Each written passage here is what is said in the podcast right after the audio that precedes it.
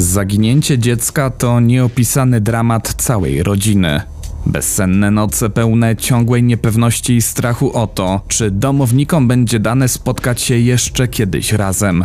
Podobne przeżycia towarzyszyły zapewne Persiemu i Leslie Dunbar, gdy w 1912 roku podczas rodzinnej wycieczki zaginął ich czteroletni synek Bobby. Rodzice mogli jednak mówić o niesamowitym szczęściu. Chłopiec odnalazł się po kilku miesiącach intensywnych poszukiwań. Jednak 90 lat później, dzięki testom DNA, dokonano szokującego odkrycia.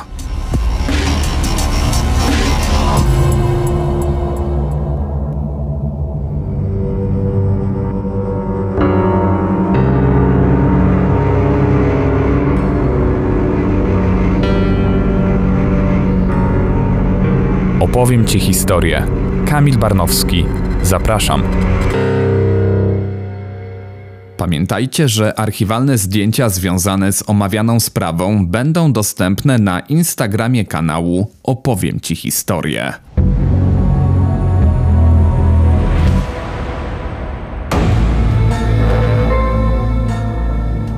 Robert Clarence Dunbar, zwany przez rodziców Bobby, urodził się 23 maja 1908 roku. Miał młodszego o dwa lata brata, Johna Alonzo. Jego ojciec, Percy Dunbar, był współwłaścicielem agencji ubezpieczeniowej. Działał też w branży obrotu nieruchomościami. Matka Leslie Dunbar zajmowała się domem. Rodzina była dość zamożna. Mieszkali nieopodal South Main Street w niewielkim mieście Appaloosis, stan Louisiana. Cieszyli się dużym szacunkiem lokalnej społeczności. Leslie i Percy troszczyli się o swoich synów, spędzali razem każdą wolną chwilę. Nic nie zapowiadało tragedii, jaka miała się wkrótce wydarzyć w tej wzorowej rodzinie. Lato 1912 roku było wyjątkowo upalne. Duża wilgotność powietrza i mocne promienie słońca dawały się we znaki wszystkim mieszkańcom Luizjany. W połowie sierpnia familia Dunbar postanowiła zorganizować tygodniową wycieczkę nad jezioro, aby odpocząć w pięknych okolicznościach przyrody. Zdecydowali, że zabiorą synów i grupę przyjaciół nad Swayze Lake do popularnego ośrodka wypoczynkowego niedaleko Melville. Dambarowie często spędzali wolny czas w domku letniskowym w tamtej okolicy, łowiąc ryby i pływając. Wyruszyli w podróż pociągiem. Jezioro Swayze, leżące nad Zatoką Meksykańską, otoczone było gęstym lasem i mokradłami. Idealny teren dla żyjących tam dzikich zwierząt. W okolicznych wodach często pojawiały się aligatory. Spacerując w pobliżu bagien, należało trzymać się wyznaczonych ścieżek, żeby nie stracić orientacji na tak rozległym obszarze. Słoneczny poranek 23 sierpnia 1912 roku zwiastował radosny dzień beztroskiej zabawy nad wodą. Percy Dunbar musiał chwilowo przerwać swój urlop. Sprawy zawodowe wezwały go w tym dniu do miasta. Bobby, który był bardzo przywiązany do ojca, płakał pod jego nieobecność. Dokładne okoliczności rodzinnej tragedii nie są znane. Jedna z wersji skupia się na pieszej wyprawie w Czasowiczów przez las na odległy kraniec jeziora. Miał ją zaproponować przyjaciel Danbarów, który zaplanował łowienie ryb. Leslie zgodziła się, aby Bobby i Alonso wzięli udział w tej wyprawie. Podczas wędrówki nie działo się nic szczególnego. W drodze powrotnej Bobby przez nikogo niezauważony odłączył się od grupy i ruszył w niewiadomym kierunku. Jego nieobecność dostrzeżono dopiero, gdy wszyscy wrócili do domku kempingowego. Według innej teorii, maluch oddalił się od rodziny podczas zabawy z młodszym bratem, gdy matka zajęta była przygotowaniem obiadu. Faktem jest to, że gdy ojciec chłopców przyjechał nad jezioro po dniu spędzonym w pracy, zastał żonę w stanie histerii. Zapłakana matka powiedziała Persiemu, że ich syn zniknął.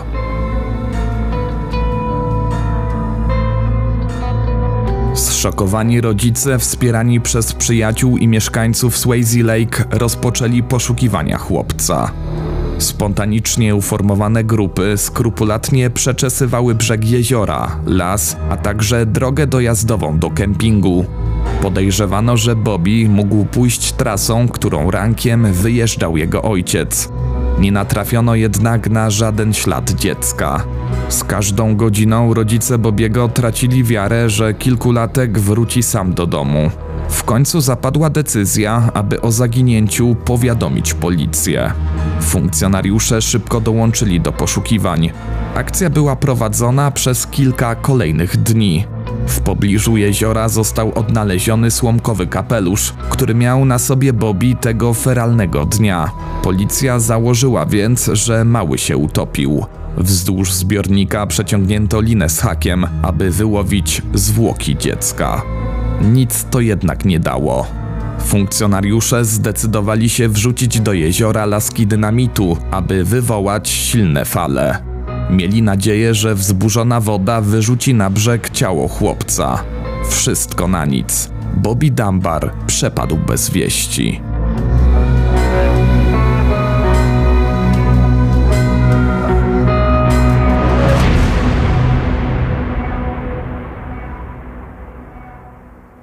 Detektywi zlokalizowali nad brzegiem niezidentyfikowane ślady stóp. Dodatkowo usłyszeli od turystów, że jakiś tajemniczy mężczyzna kręcił się wieczorami w pobliżu kempingu.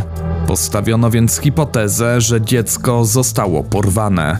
Wobec braku postępu w śledztwie, policja zarządziła ogólnokrajowe poszukiwania zaginionego. Władze we wszystkich stanach rozwiesiły ponad 700 plakatów z wizerunkiem malca. Gdy o sprawie dowiedziała się prasa, zagadkowa sprawa zniknięcia Bobiego Dambara nabrała jeszcze większego rozgłosu. Gazety opublikowały rysopis dziecka wraz z informacją o ostatnim miejscu, w którym był widziany. Percy Dunbar wyznaczył nagrodę w wysokości 1000 dolarów za podanie wskazówek, które mogłyby przyczynić się do odnalezienia ukochanego syna. Jak na tamte czasy była to ogromna kwota. Uwzględniając współczesny przelicznik, jest to około 25 tysięcy dolarów. Mieszkańcy rodzinnego miasta Dunbarów, poruszeni tragedią swoich sąsiadów, zebrali dodatkowe 5 tysięcy, czyli kwota równoważna obecnej sumie 125 tysięcy dolarów. Czas mijał nieubłaganie. Policja sprawdzała ślad za śladem, reagowali na każdą informację od potencjalnych świadków. Sprawdzano każde miejsce, gdzie rzekomo widziany był Bobby. Sprawa utknęła jednak w martwym punkcie. Prasa donosiła o fatalnym stanie psychicznym matki chłopca, którą rozpacz po stracie syna przykuła do łóżka. Szczegółowo relacjonowano także kolejne etapy poszukiwań. Gdy zaginął Bobby, początkowe poszukiwania doprowadziły policję nad brzegi jeziora Swayze. Podejrzewano, że chłopiec utonął. Kapelusz dziecka znalazł się w okolicy bagien. Jednak wciąż nie odnaleziono najważniejszego ciała. Gdzie jest dziecko? Cała społeczność niewielkiego Apelusys przeżywała tę tragedię. Rodzina traciła już nadzieję, że kiedykolwiek odnajdą Bobiego, całego i zdrowego. Kwiecień 1913 roku przyniósł nieoczekiwany przełom w sprawie zaginięcia najstarszego syna Dunbarów. Po ponad 8 miesiącach intensywnych poszukiwań, niedaleko Kolumbii w stanie Mississippi, policja zatrzymała 51-letniego mężczyznę. Podróżował on po okolicy z chłopcem, który był bardzo podobny do Bobiego Dunbara. Oto rysopis zaginionego dziecka. Okrągłe, niebieskie oczy. Jasne, ale miejscami nieco ciemniejsze już włosy. Owalna twarz. Blada karnacja. Policzki rumiane. Chłopiec tęgiej budowy, ale nie gruby. Znak szczególny. Blizny na prawej stopie powstałe wskutek poparzenia, jakiego doznał, gdy był niemowlakiem. Towarzyszący włóczędze malec miał jednak tak brudne nogi, że sprawdzenie tego ostatniego szczegółu, czyli blizny, nie było od razu możliwe. Podejrzany w sprawie osobnik nazywał się William Candwell Walters. Był wędrownym majsterkowiczem, taką złotą rączką. Zajmował się m.in. strojeniem fortepianów, a także wykonywał drobne naprawy w domach, do których zawitał. Przepytywany przez policjantów Walters, czy chłopiec, z którym podróżował po Stanach, jest jego synem, początkowo to potwierdził. Wkrótce jednak przyznał, że to nieprawda. Oznajmił funkcjonariuszom, że chłopczyk nazywa się Bruce Anderson, jest nieślubnym synem jego brata oraz niejakiej Julie. Kobieta mieszkała w Karolinie Północnej i pracowała kiedyś dla rodziny Waltersa. Miała poprosić go o pomoc w opiece nad malcem. Jako samotnej matce było jej ciężko utrzymać siebie i syna. Walters wszędzie zabierał ze sobą chłopca, twierdząc, że ludzie chętniej wpuszczali go wtedy do domów. Daleka krewna podejrzanego tak tłumaczyła sposób postępowania mężczyzny. Kobiety, które otwierały mu drzwi i same były matkami, na widok wałęsającego się przy nim uroczego, ale bardzo zaniedbanego malucha, od razu zgadzały się dać Waltersowi jakieś zlecenie. Wprost nie mogły się powstrzymać przed tym, aby przytulić chłopczyka, czy też zaproponować mu kąpiel i coś do zjedzenia. Niespójność w zeznaniach Waltersa skłoniła policjantów do tymczasowego aresztowania mężczyzny. Zdjęcie jego małego towarzysza podróży zostało wysłane do rodziny Dunbar. Bliscy zaginionego byli przekonani, że ich dramat właśnie dobiegł końca. Policja wkrótce zorganizowała spotkanie chłopca z jego domniemanymi rodzicami. Społeczność małej miejscowości czekała na wzruszający happy end.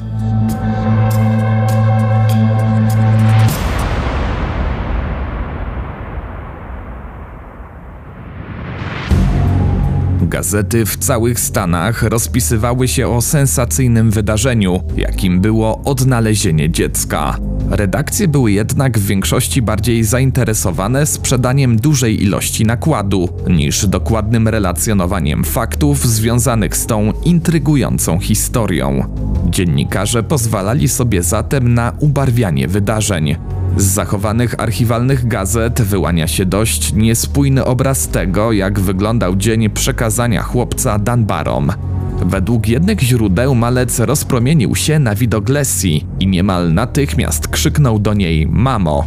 Rozemocjonowana kobieta rzekomo zdążyła tylko powiedzieć to moje dziecko, po czym osunęła się bezwładnie w ramiona męża. Inna gazeta donosiła, że Leslie była wyraźnie niepewna co do tego, czy przywieziony chłopiec to rzeczywiście jej zaginiony syn. Nie reagował na wołanie matki, ani też nie chciał jej przytulić. Reporter z kolejnej redakcji przedstawił czytelnikom wersję zdarzeń, w której to drugi syn Danbarów, John Alonso, rozpoznał w przyprowadzonym dziecku swojego starszego brata. Miał ufnie rzucić się Bobiemu na szyję, całując go i czule obejmując. W prasie przeważała jednak narracja o nieskrywanych wątpliwościach państwa Danbarów w temacie tożsamości dziecka. Matka miała stwierdzić: Absolutnie nie jestem pewna, czy to on. Ojciec miał dodać: Oczy tego dziecka są zdecydowanie mniejsze niż oczy Bobiego. Gdy całe zamieszanie ucichło, chłopca dokładnie umyto. Porównując znaki szczególne małego przybysza, wszystkie blizny i pieprzyki, Leslie doszła w końcu do wniosku, że trzyma w ramionach swoje prawdziwe dziecko. Uznała, że matczyny instynkt nie może się mylić. Odtąd malec miał więc ponownie dołączyć do swojej rodziny, która tęskniła za nim przez tak długi czas. 25 kwietnia 1913 roku cała społeczność Apelusys hucznie świętowała powrót Bobiego Danbara do domu. Przyjaciele i sąsiedzi rodziny zebrali się przed gmachem miejscowego sądu. Na miejsce licznie przybyli też dziennikarze, którzy relacjonowali szczegóły tej podniosłej chwili. Mały wjechał na plac w udekorowanym kwiatami wozie strażackim, należącym do lokalnej jednostki. Eileen Peral z Apelusys, która uczestniczyła w powitaniu Bobiego jako dziesięcioletnia wówczas dziewczynka, tak wspominała po latach. Pamiętam, jakby to zdarzyło się wczoraj. Całe miasto żyło tą sprawą. Tak bardzo cieszyliśmy się, kiedy on się odnalazł. to była prawdziwie radosna ceremonia powitalna. Skoro tylu ludzi wierzyło, że wrócił prawdziwy Bobby, jak mogli wątpić w to jego rodzice? Wydawało się, że już nic nie zburzy spokoju tej rodziny. W tamtym czasie, czyli na początku XX wieku, za uprowadzenie małoletniej osoby groziła nawet kara śmierci. Zamknięty w więziennej celi William Walters doskonale zdawał sobie sprawę z trudnego położenia, w jakim się znalazł. Napisał list do rodziny Dunbar, w którym rozpaczliwie błagał o to, żeby uwierzyli w jego wersję wydarzeń. Potwierdził raz jeszcze, że odnalezione dziecko to tak naprawdę jego bratanek, Bruce Anderson. Walters napisał takie słowa w korespondencji z krat. Wygląda na to, że muszę cierpieć z powodu nie swojego grzechu. Oskarża się mnie o przestępstwo, którego nigdy nie popełniłem. Wiem, że wy już zdecydowaliście. Jesteście w błędzie. Prawdopodobnie za waszą pomyłkę zapłacę życiem. Gdy umrę, przynajmniej będę mógł spojrzeć w twarz najjaśniejszemu panu z czystym sumieniem. Niech dobry Bóg rozliczy was kiedyś za to, co zrobiliście. Dziennikarz jednej z gazet publikowanej na terenie Nowego Orleanu dowiedział się o błaganiach aresztowanego. Postanowił przekonać wydawcę, aby zaaranżować spotkanie rzekomej matki chłopca, czyli Julie Anderson, z państwem Dunbar. Kobieta przybyła do Luizjany 1 maja 1913 roku. Według jej słów minął już ponad rok od momentu, gdy zostawiła swojego syna Bruce'a pod opieką Williama Waltersa. Twierdziła, że mężczyzna miał się nim zająć tylko przez kilka dni. Nigdy nie wyraziła zgody na dłuższy pobyt chłopaka poza domem. Tymczasem Walters zniknął, a wraz z nim przepadł jej synek. Kobieta o całej sprawie dowiedziała się z prasy. W końcu przybyła do Luizjany, żeby zabrać swoje dziecko z powrotem do domu. Jednak podobnie jak Leslie Dunbar, także i Julia nie miała całkowitej pewności, że właśnie zobaczyła swojego syna. Chłopiec nie wykazał żadnej reakcji na widok matki. Po dłuższej chwili wahania, Julia przekonana, że matczyne serce czuje, co jest prawdą, oznajmiła, że to na pewno jej dziecko. Jednak prasa nie wybaczyła kobiecie tak łatwo tego momentu zwątpienia. Naprzeciw siebie stanęły więc dwie matki, z których każda rościła sobie prawo do kilkuletniego chłopca. Sytuacja porównywana była do zatargu kobiet rozstrzygniętego przez biblijnego króla Salomona. Niemożliwość podjęcia decyzji, czyje to dziecko, skutkowała skierowaniem sporu do wyższej instancji. Sprawą zajął się sąd.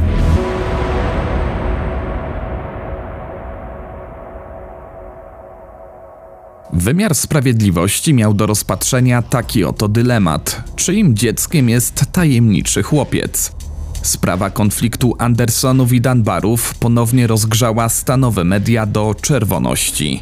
Gazety wyraźnie sympatyzowały z zamożniejszą rodziną. W prasie pojawiły się komentarze nieprzychylne Julie Anderson.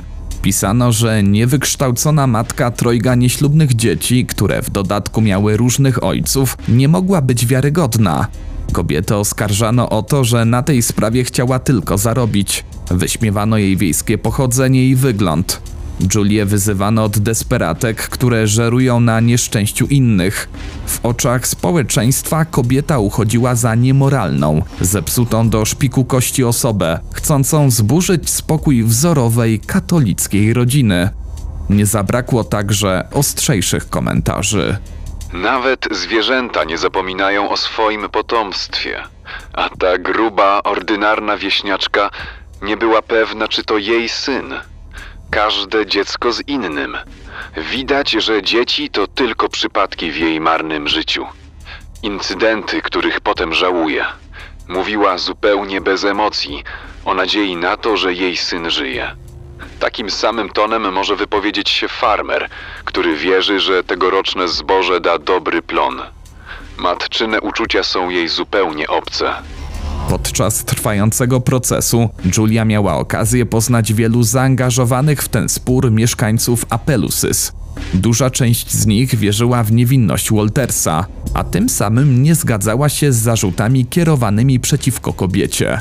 Mimo licznego grona ludzi wspierających Anderson, była ona na przegranej pozycji w zasadzie od samego początku. Podobnie jak William Walters, obciążony zarzutami uprowadzenia dziecka. Skazano go w błyskawicznym, trwającym niespełna dwa tygodnie procesie. Sąd nie dał wiary ani zeznaniom Waltersa, który wspierany przez rzesze świadków i zgromadzone dowody konsekwentnie nie przyznawał się do winy. Prawa do wyłącznej opieki nad chłopcem przyznano Leslie i Persiemu Dunbar. Załamana Julia nie posiadała środków finansowych na wznowienie postępowania sądowego. Po procesie wróciła w rodzinne strony do Poplaville w stanie Mississippi. Tam wkrótce wyszła za mąż, urodziła jeszcze kilkoro dzieci. Wszystkie mówiły o niej z wielką czułością. Anderson stała się gorliwą katoliczką, której starania przyczyniły się do budowy lokalnego kościoła. Pracowała także jako pielęgniarka i położna. Kobieta, choć odnalazła szczęście, nigdy nie zapomniała o Brusie. Podtrzymywała pamięć o zaginionym synu wśród swoich pozostałych dzieci. Żyła z poczuciem ogromnej straty. Była przekonana o tym, że bogaci Danbarowie zwyczajnie zawłaszczyli sobie jej potomka. Według niej była to kolejna chwilowa zachcianka bogaczy. Julia Anderson zmarła 1 lutego 1940 roku. Pochowano ją na cmentarzu w rodzinnym Poplaville. Dzięki apelacji swojego prawnika William Walters otrzymał prawo do ponownego rozpatrzenia jego sprawy. Oskarżyciel nie zdecydował się jednak na ponowny proces z uwagi na ogromne koszty poprzedniego postępowania sądowego. William został zwolniony z więzienia po dwóch latach.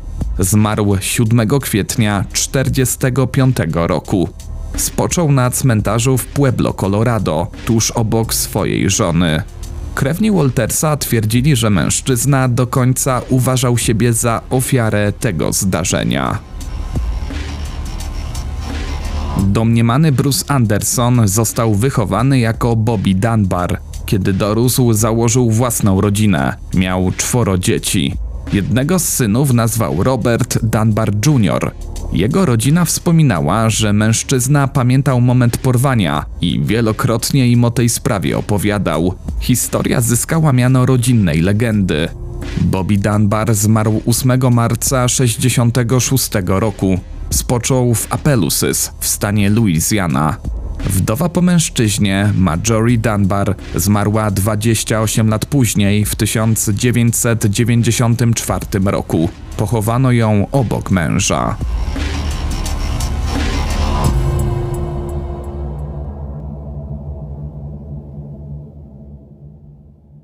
Opowieść o losach cudownie przywróconego na łono rodziny Roberta Bobiego Dunbar być może nie miałaby dalszego ciągu, gdyby nie jego wnuczka, Margaret Dunbar Cartwright.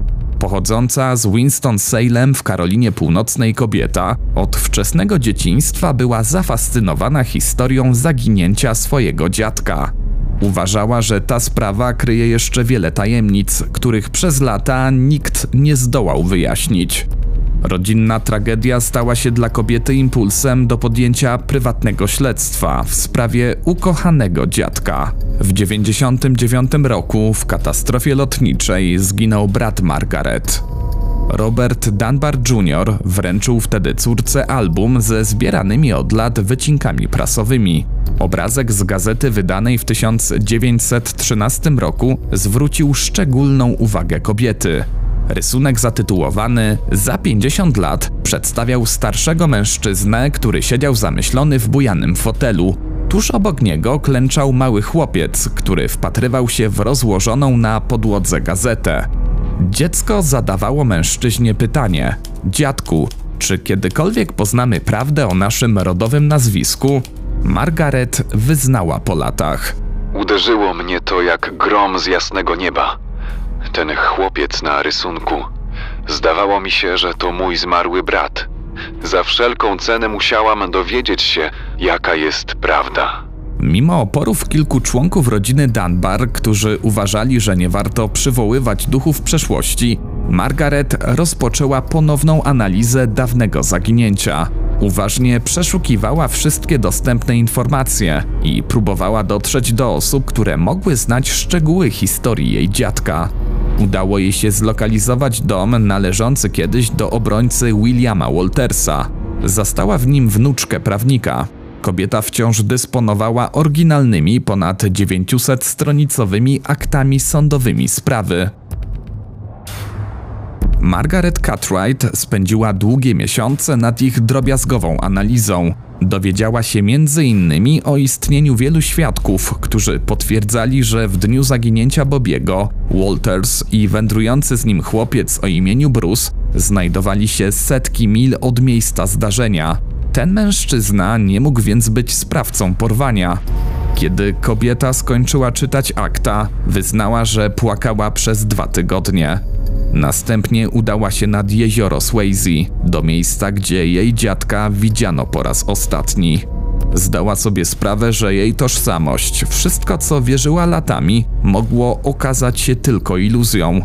Kobieta tak opowiadała o swojej podróży. Stojąc nad mokradłami Luizjany, uświadomiłam sobie, że jestem pierwszym członkiem rodziny Dunbar, który tak naprawdę sam przed sobą uczciwie przyznał, Bobby się tam utopił. Po prostu to czułam. Odkrycie Margaret rozpaliło w niej iskierkę nadziei na odnalezienie prawdziwych krewnych swojego dziadka. Udało jej się dotrzeć do domniemanego przyrodniego rodzeństwa Bobiego. Jeden z synów Julie Anderson, 80-letni Hollis Rose, wyraził zgodę na pobranie od niego próbki DNA. Hollis przypomniał sobie, że w 1944 roku Robert Dunbar odwiedził go w pracy. Podobne zdarzenie potwierdziła siostra 80-latka, Jules. Domniemany krewny pojawił się pewnego dnia na stacji obsługi samochodów, gdzie była zatrudniona. Długo wtedy rozmawiali. Również najmłodszy syn zaginionego, Gerald Dunbar, wspomniał ciekawą historię. Jego ojciec zatrzymał się kiedyś w okolicy Poplarville w stanie Mississippi. Gdy chwilę rozejrzał się po okolicy, miał stwierdzić, że właśnie stąd go zabrano. Margaret przypuszczała, że oprócz badań genetycznych należy również skierować oficjalne pismo do stanowych władz z prośbą o zgodę na przeprowadzenie ewentualnych ekshumacji. Kobieta potrzebowała jeszcze próbki DNA od któregoś z męskich potomków brata swojego dziadka. Porównanie tej próbki z materiałem uzyskanym od jednego z synów Bobiego miało dać definitywną odpowiedź na pytanie, czy dziadek Margaret pochodził z rodziny Dunbar.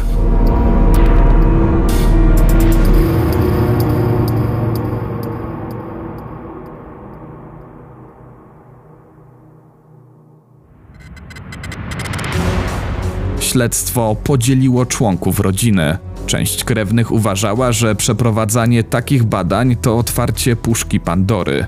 Gerald Dunbar tak opowiadał o tej sytuacji.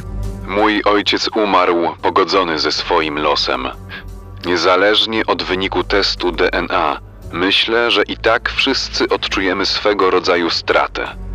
Nie wiem komu i w czym miałoby się przysłużyć takie odkrycie. Michael Walters, daleki krewny skazanego w tej sprawie Williama Waltersa, również wypowiedział się na ten temat. Czy William to zrobił, czy nie, ta wiedza niczego dla nas nie zmieni.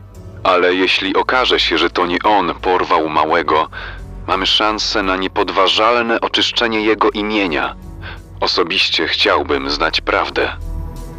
Podobny pogląd na sprawę miał ojciec Margaret, emeryt Robert Dunbar Jr. Wielkie drzewo genealogiczne rodziny Dunbar wisiało w salonie jego domu w Kingston, niecałe 100 mil od miejsca zamieszkania bliskich Julie Anderson. Początki rodziny Dunbarów w Ameryce sięgały roku 1770, kiedy to jeden z jego przodków przybył do Karoliny Północnej ze Szkocji. 67-latek tłumaczył. Jeśli nie nazywam się Dunbar, chciałbym jeszcze w życiu zdążyć poznać kogoś z mojej drugiej rodziny. Przed śmiercią chciałbym wiedzieć, kim jestem naprawdę. Przypominam sobie rozmowę z ojcem. Było to gdzieś w latach pięćdziesiątych. Byłem wtedy nastolatkiem. W rodzinie rozmawiało się wiele razy o tej historii. Zapytałem ojca, skąd wie, że jest prawdziwym Bobim Dunbarem. Pamiętam, jak spojrzał mi prosto w oczy i dość enigmatycznie odpowiedział: Wiem, kim jestem ja i kim jesteś ty. I nie liczy się nic więcej. Mimo protestów części rodziny, w końcu przeprowadzono badania DNA. Rezultat okazał się szokujący. Dziadek Margaret nie był genetycznie spokrewniony z familią Dunbar. Kolejne testy dowiodły, że mężczyzna znany jako Robert Bobby Dunbar Sr. był w istocie Bruce'em Andersonem. Badanie DNA nie można było podważyć.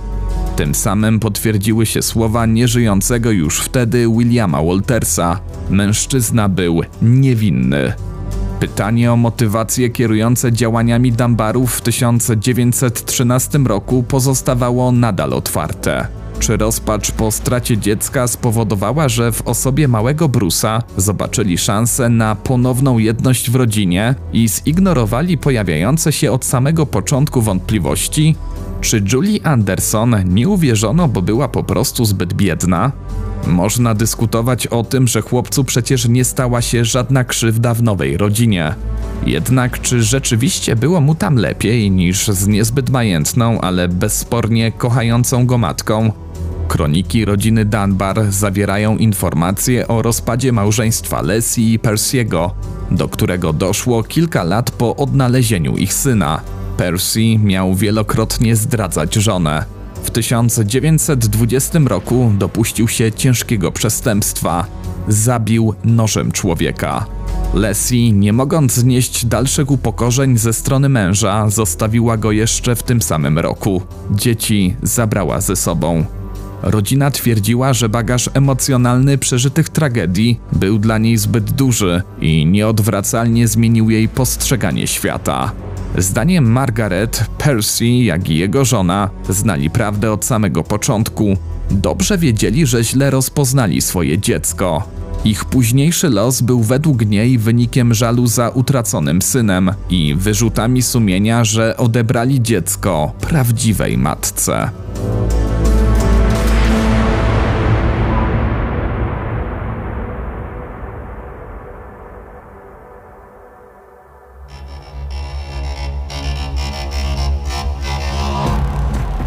Margaret Dunbar Cartwright mieszka z rodziną w Karolinie Północnej.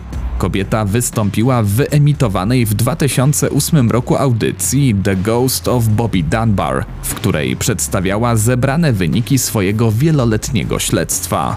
Przypuszczała, że prawdziwy Bobby utopił się w bagnach Swayze, a następnie został pożarty przez aligatory. Dlatego nie odnaleziono po nim żadnych śladów. Wyjawiła też, że wyniki jej dochodzenia przyniosły radość rodzinie Anderson i Walters. Krewni Julie Anderson potraktowali rezultat badań DNA jako zadośćuczynienie za doznane krzywdy.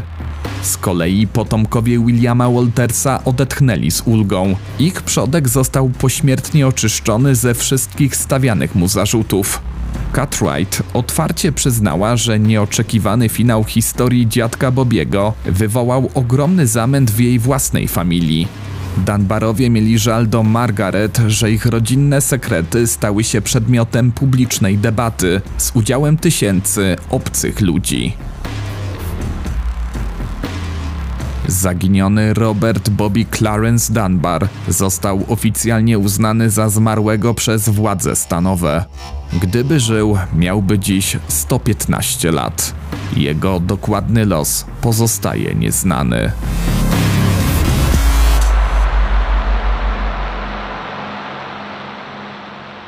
Ten odcinek powstał dzięki Waszemu wsparciu w serwisie Patronite. Jeśli chcesz dołączyć do patronów kanału Opowiem Ci historię, kliknij w link dostępny w opisie filmu. Z góry dziękuję. Pełna lista źródeł, na podstawie których powstał ten materiał, znajduje się w opisie odcinka.